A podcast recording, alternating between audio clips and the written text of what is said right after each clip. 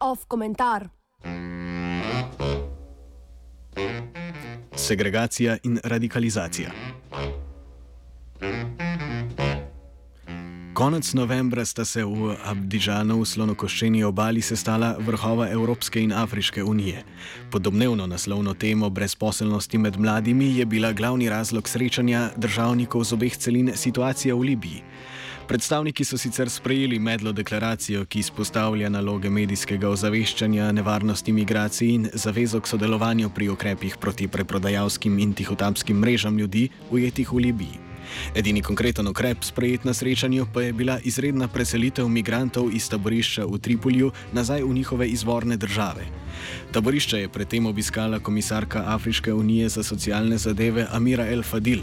Izpraznitev taborišča in izredna repatriacija naj bi zajela približno 3800 ljudi, vendar pa v Libiji po besedah predsednika Komisije Afriške unije Musa Fakija Mahmata deluje še 42 taborišč, ki sodelujejo v suženski trgovini. Ocena števila migrantov ujetih v državi pa se gibljajo med 400 tisoč in 700 tisoč. Razen te akcije države niso sprejele nobenih konkretnih načrtov za reševanje nastalih razmer v Libiji.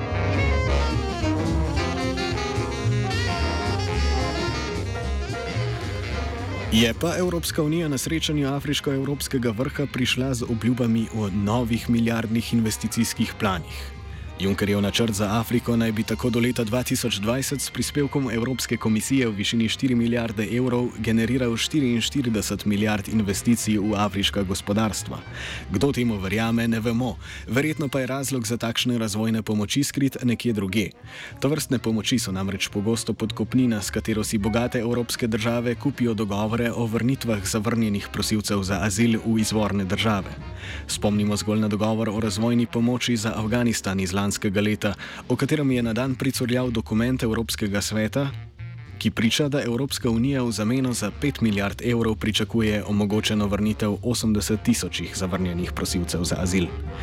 Pogosti pa so tudi bilateralni sporazumi o vračanju. Nemčija je tako s Tunizijo v začetku leta podpisala sporazum o povečani razvojni pomoči v zameno za pospešeno vračanje zavrnjenih azilantov.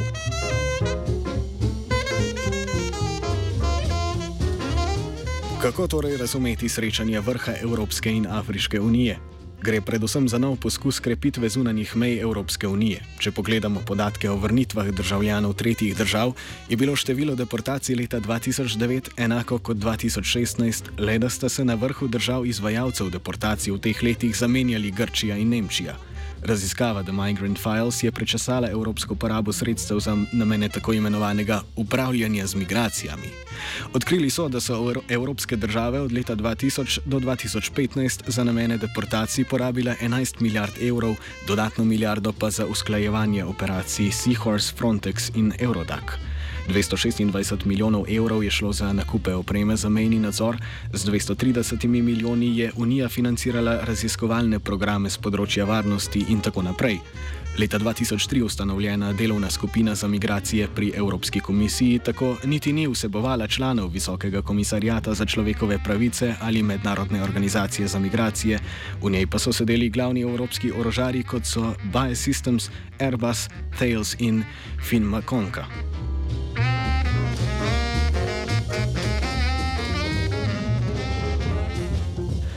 Migracije seveda niso novost. Le evropski represivni in birokratski aparat je do dveh let nazaj učinkovito upravljal svojo nalogo branika evropske meje. Vredno pa je omeniti, da je evropski produkcijski način v veliki meri odvisen prav od migranskega dela, množične zavrnitve azilantov pa generirajo bazen delovne sile brez vsakršnih delovskih pravic. Že omenjeni aparat je spet v polnem teku, deportacije se vršijo, ljudje na azilne odločitve brez odgovora čakajo leto in več, evropski voditelji pa kupujejo države, da brez nerganja pristajajo na vrnitve zavrnjenih azilantov. Domače zatišje, ki ga je pri nas vsaj malo razburkalo dogajanje okoli odločitve o deportaciji Ahmada Šamija na Hrvaško, je morda prav uspeh evropske birokratske in varnostne represije, da se stvari vrne na ustaljene tire.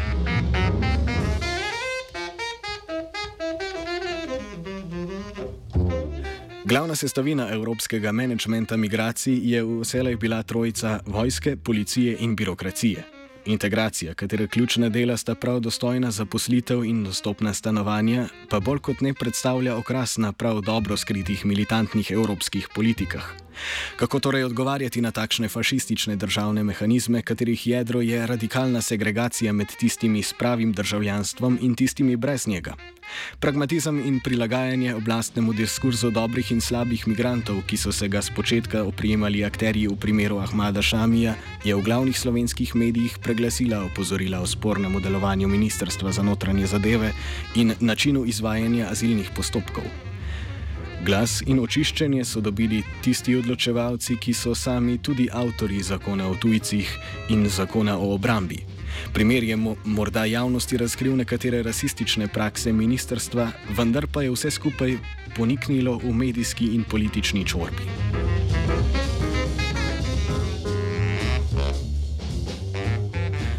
Humanitarizem na drugi strani predstavlja bolj kot nesestavni del problema. Vsaj v Sloveniji oblast nalogo uspešne integracije prelaga na nevladne organizacije. Te izvajajo usposabljanja, iščejo stanovanja, sobe in organizirajo kratkoročne dejavnosti za migrante nastanjene v Sloveniji. Te nevladne organizacije pa so večinoma financirane prav iz ministrstva, ki je oblikovalec in izvajalec azilnih politik. Nasprotovanje ministrstvu in njihovim politikam pomeni, da neka nevladna organizacija na naslednjem razpisu ne bo dobila sredstev za izvajanje programa. Posledično bodo zaradi manjka financ njeni trije zaposleni ostali brez plače, pet prostovoljcev pa brez prigrizkov. Kakšen naj bo torej odgovor na politiko, ki ločuje ljudi in ne ljudi? Edini možen odgovor na segregacijo je radikalizacija diskurza in praks, artikulacija onkraj posamičnih primerov obče zahteve po dostopnih stanovanjih in dostojnih zaposlitvah. Za specifičnimi težavami imigrantov obstaja enoten boj za pogoje, ki bi omogočali dostojno preživetje. Politična oblast, proti kateri je treba nastopiti, vselej zastopa interese specifičnega razreda in tako vrši segregacijo ne na podlagi barve kože, temveč mesta v razredni strukturi družbe. Na nacionalni ravni ta oblast s svojimi zakoni legitimira gentrifikacijo z legalizacijo Airbnb-a in normalizira prekarizacijo dela z uplačevanjem pokojninskega zavarovanja študentskim delom. Za lokalni primer take oblasti pa priporočamo ogled promocijskega videa mestne občine Ljubljana o njeni prenovi novi tovarne rok v nov bleščeč center kreativnih industrij.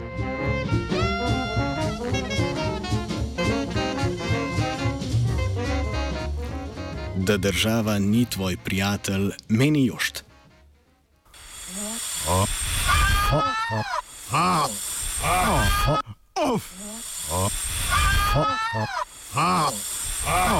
Off komentar.